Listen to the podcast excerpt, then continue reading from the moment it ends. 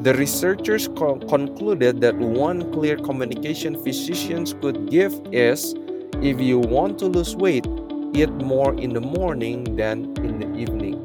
Untuk episode kali ini, saya akan ngebahas yang dia tulis mengenai kronobiologi atau mungkin lebih ke timing kita makan. Tubuh manusia itu memiliki sebuah ritme, sebuah jam. Ini ritmenya itu sangat dipengaruhi dengan cahaya dan juga asupan makanan. Some have gone further that even characterize obesity as chronobiological disease. Ternyata ketika kita tidurnya siang hari, 12 16% pembakaran kalori yang lebih rendah dibandingkan kalau kita tidurnya di malam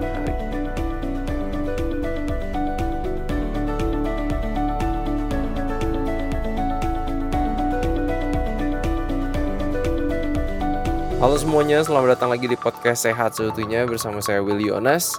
Kita masih ngebahas buku How Not to Diet. Semoga teman-teman yang udah lagi ngedengerin uh, bermanfaat ya, mendapatkan manfaat dari part 1, 2, dan 3. Bagian terakhir dari buku How Not to Diet dari Dr. Michael Greger adalah mengenai weight loss booster. Jadi kalau mungkin 17 um, karakteristik yang udah kita bahas di awal itu adalah mungkin dari segi jenis makanannya.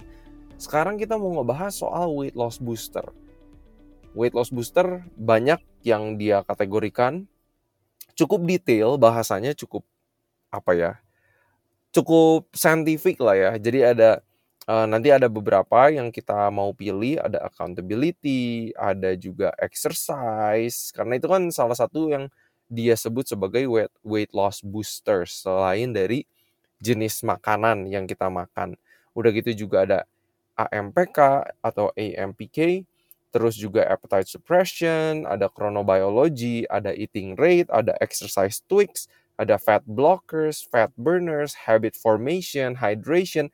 Pokoknya di episode-episode beberapa selanjutnya kita akan bahas mengenai weight loss booster ala Michael Greger. Ini based on research dan untuk episode kali ini saya akan ngebahas yang dia tulis mengenai kronobiologi atau mungkin lebih ke timing kita makan. Ada nggak sih bedanya antara kita makan pagi, makan malam, padahal kalorinya sama? Nah, ini yang pengen kita bahas. Ini bisa menjadi salah satu tools yang teman-teman punya untuk menjaga berat badan tetap stabil, atau untuk weight loss booster. Nah, satu kata yang menjadi terminologi atau istilah dari field atau dunia ini, dunia yang membahas ini ya, itu adalah namanya chronobiology. Jadi, chronobiology ini adalah sebuah ilmu yang mempelajari bagaimana siklus tubuh manusia itu. Gitu kan? Apakah itu secara mental, fisikal atau emosional juga. Nah, ini tuh ternyata mereka temukan tubuh manusia itu memiliki sebuah ritme, sebuah jam.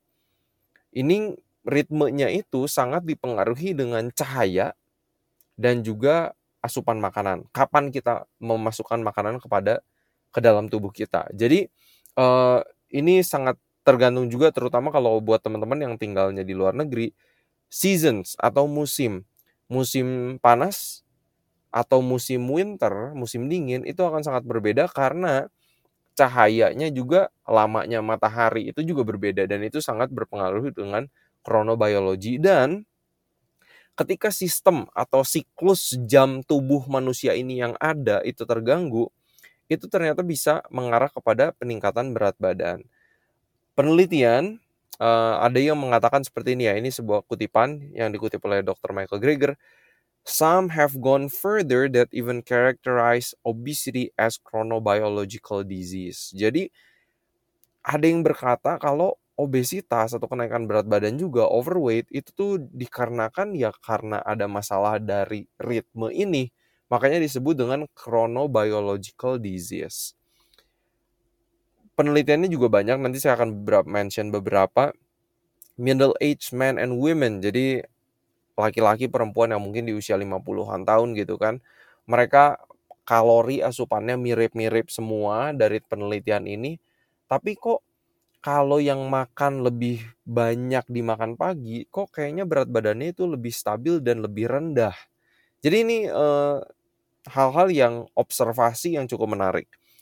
Biasanya orang yang makan telat itu juga biasanya mereka memilih makanan junk food. Orang-orang yang makan-makan makan malamnya gitu ya jam 10 malam, jam 11 malam, mereka kecenderungannya itu adalah milih makanan-makanan yang kurang sehat. Apalagi mereka sambil nonton, sambil nyantai, nonton TV, nonton Netflix atau apa pun gitu kan.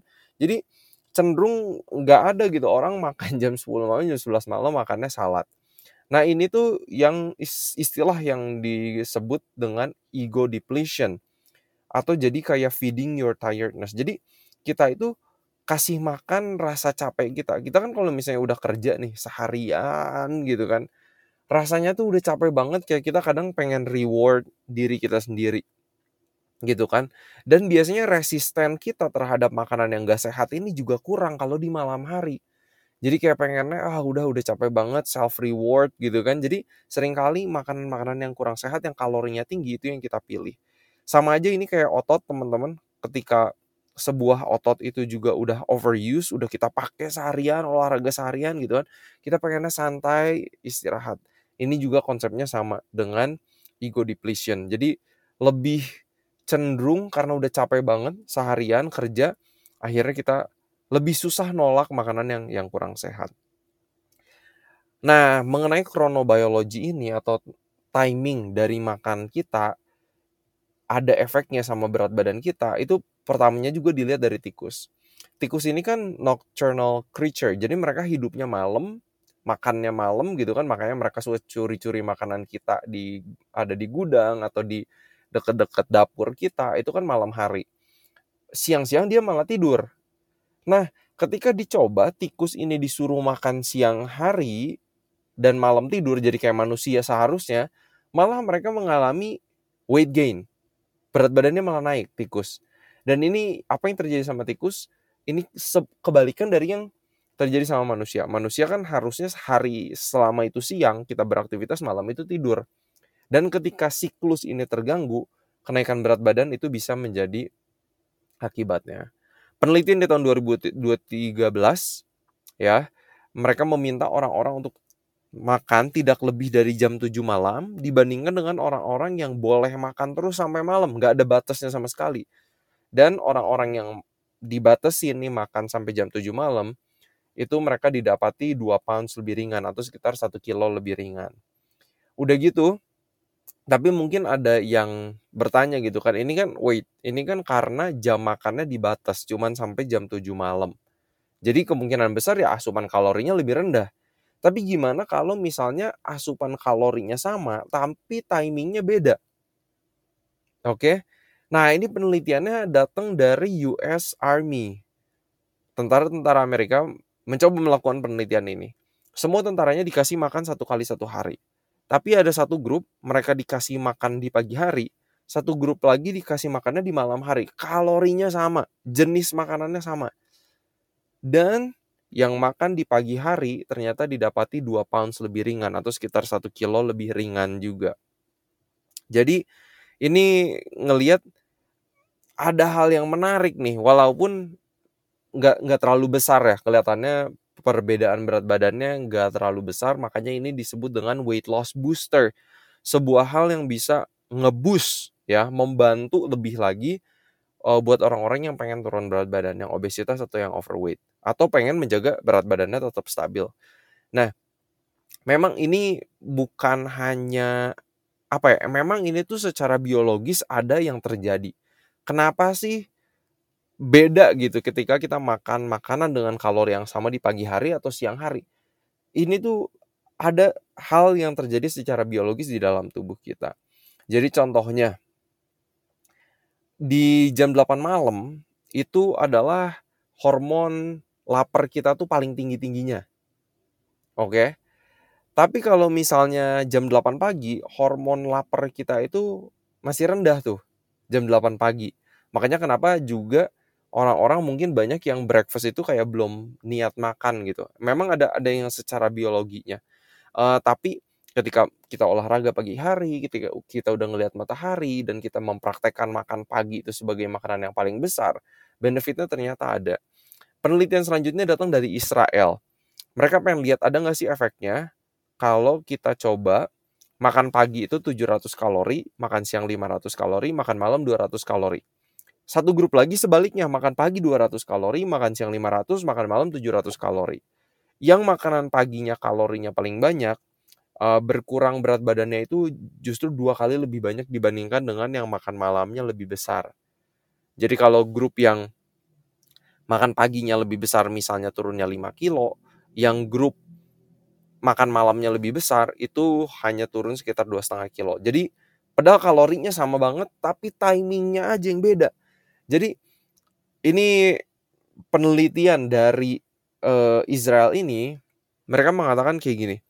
The researchers co concluded that one clear communication physicians could give is if you want to lose weight, eat more in the morning than in the evening. Ini satu pesan yang perlu jelas banget dokter-dokter sampaikan kepada pasien-pasiennya. Kalau mau turun berat badan, makan lebih banyak di pagi hari dibandingkan di malam hari. Nah, tapi juga kita tidak pungkiri kita harus seimbang ada juga penelitian justru yang menunjukkan bahwa kalau makan lebih banyak, berat badannya lebih rendah dibandingkan dengan yang makan paginya lebih banyak. Tapi ternyata ketika penelitian ini ditelaah, lebih dipelajari lagi, mereka menemukan, loh, ini mah sampel-sampel penelitiannya orang-orang yang makan paginya lebih banyak, yang dimakan ini junk food semua. Coklat, cookies, kue-kue, es krim, donat. Jadi sekali lagi karena ngomongin soal timing makanan atau chronobiology ini adalah weight loss booster, tetap aja jenis makanan itu tetap harus diperhatikan bukan cuma timingnya. Banyak yang pengen turun berat badan, jenis makanan yang gak mau berubah, pengen merubah timingnya aja. Sekali lagi teman-teman, jenis lebih penting, tapi ngomongin soal timing, ini bisa menjadi booster. ya.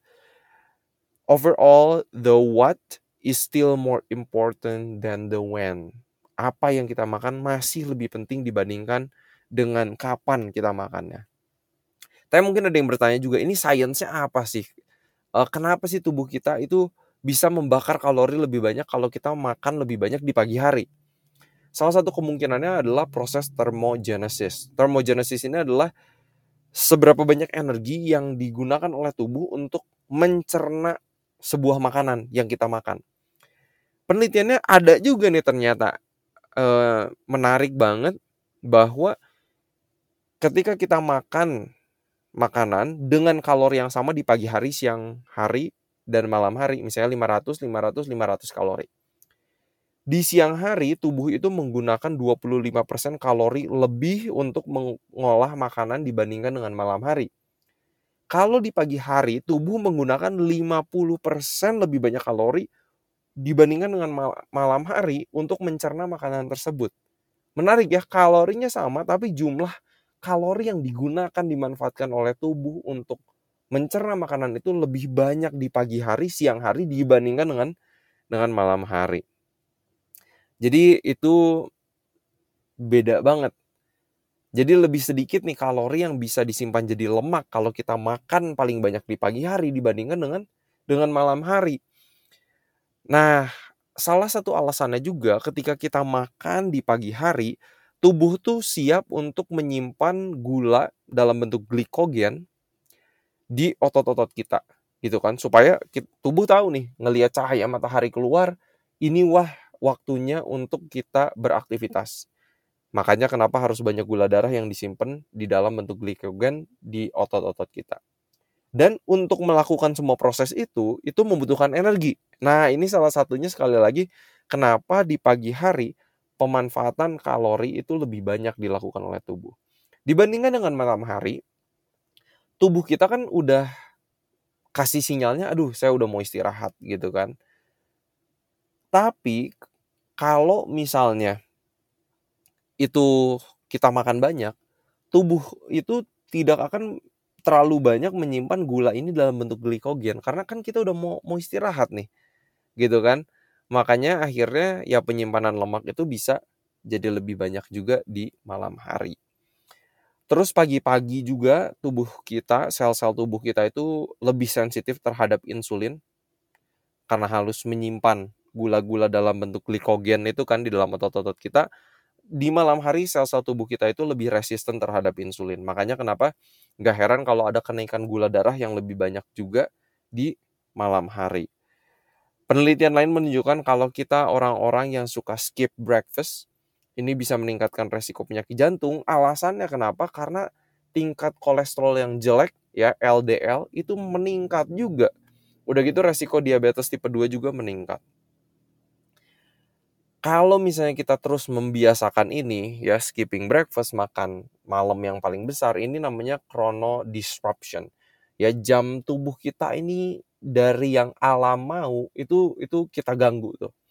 Nah, salah satu chrono disruption atau jam tubuh kita ini bisa terganggu kalau kita lagi traveling, ya kan?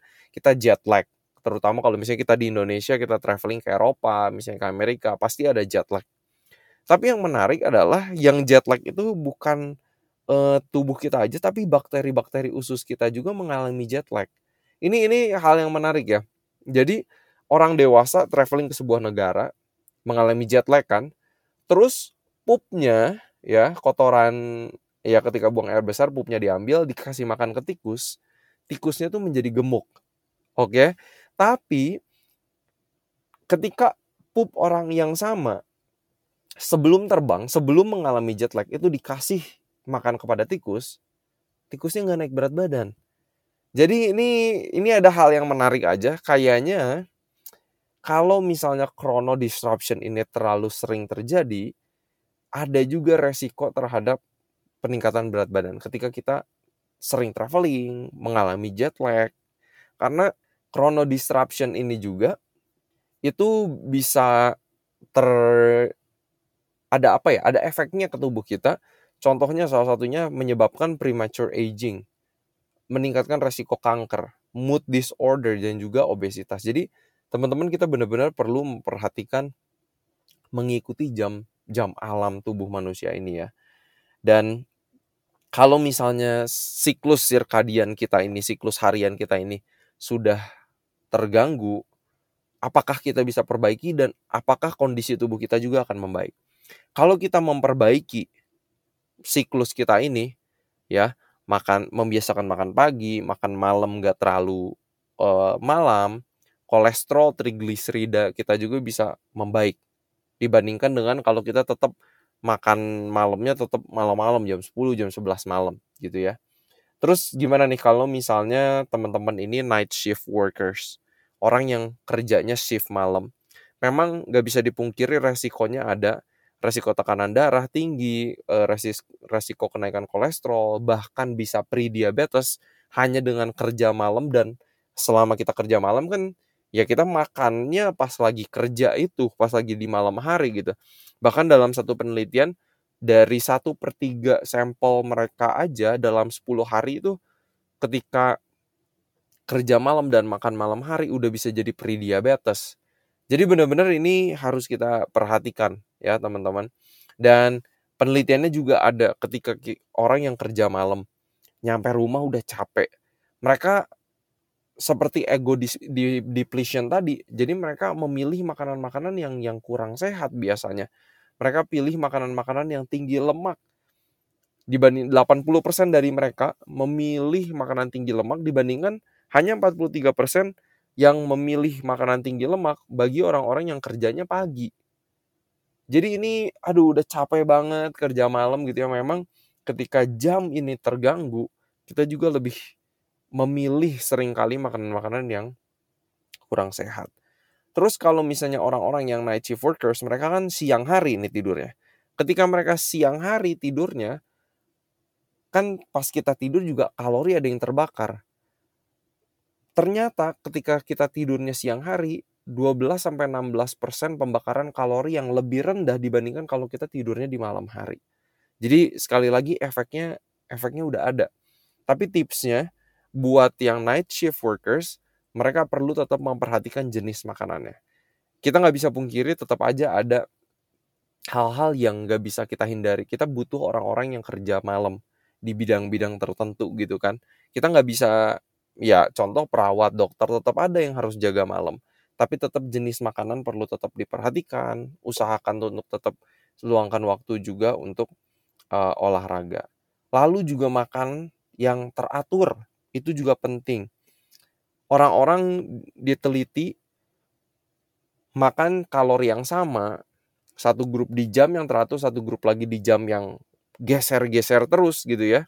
Karena ya diatur penelitiannya supaya kayak mencerminkan orang yang sibuk gitu kan makanan makan siangnya selalu nggak teratur kadang jam 12 siang kadang jam 3 sore kadang jam 4 sore baru sempat makan gitu kan uh, itu juga bisa makan nggak teratur itu juga bisa meningkatkan berat badan sekalipun kalorinya sama oke uh, ini menarik ya nggak tahu kenapa tapi memang kayak gitu walaupun penelitian ini kebetulan hanya dua minggu dan di akhir dua minggu sebenarnya orangnya berat badannya masih sama-sama aja. Tapi takutnya kalau kita biasakan kebiasaan ini untuk jangka panjang, takutnya ini jadi kurang kurang baik. Nah, gimana nih caranya kalau teman-teman pengen mempraktekkan weight loss booster ini yaitu chronobiology memperhatikan timing makan kita? Usahakan bangun pagi ya terekspos dengan sinar matahari. Ini cara yang pertama. Kenapa? Karena ketika kita itu terekspos dengan sinar matahari di pagi hari, entah kenapa dari penelitian-penelitian orang-orang yang seperti ini memiliki berat badan yang lebih rendah. Dan ketika orang pagi-pagi bisa olahraga, terjemur sinar matahari, nampaknya dibandingkan dengan orang yang nge-gym gitu kan, mereka kan pakai cahaya yang artificial, yang buatan orang-orang yang olahraga di bawah sinar matahari pagi itu juga nampaknya olahraganya tuh lebih semangat sehingga pembakaran kalori juga terjadi lebih banyak. Oke. Jadi biasakan bangun pagi kena sinar matahari karena itu juga bisa jadi salah satu weight loss booster nih kalau mengikuti uh, ini. Udah gitu juga kalau bisa malam hari itu gunakan lampu yang lebih redup, ya lampu yang kuning, jangan yang terlalu terang, jangan yang putih, usahakan penggunaan gadget juga ini perlu diperhatikan teman-teman. Lalu coba mulai biasakan makan pagi sebagai makanan yang paling besar. Kalau misalnya teman-teman belum terbiasa, bisa coba olahraga pagi hari, udah gitu pasti biasanya jadi lapar. Terus biasakan makan malamnya kalau terlalu deket sama jam tidur malam sebelumnya, makan terlalu banyak, sering kali paginya juga belum lapar. Jadi coba ubah itu juga dan biasakan untuk makan malam jangan terlalu malam. Kalau bisa sih bagusnya ya antara 3 sampai 4 jam sebelum kita tidur itu makan malam yang terakhir juga. Terus yang terakhir, tips dari Dr. Michael Greger ada makanan-makanan juga yang mengandung melatonin. Melatonin ini sebuah hormon yang membuat manusia itu jadi lebih ngantuk juga ya supaya kronobiologi timing hidup kita ini lebih baik juga. Itu ada pisang, jeruk, nanas, cranberry, pistachio ini makanan-makanan yang mengandung melatonin paling banyak.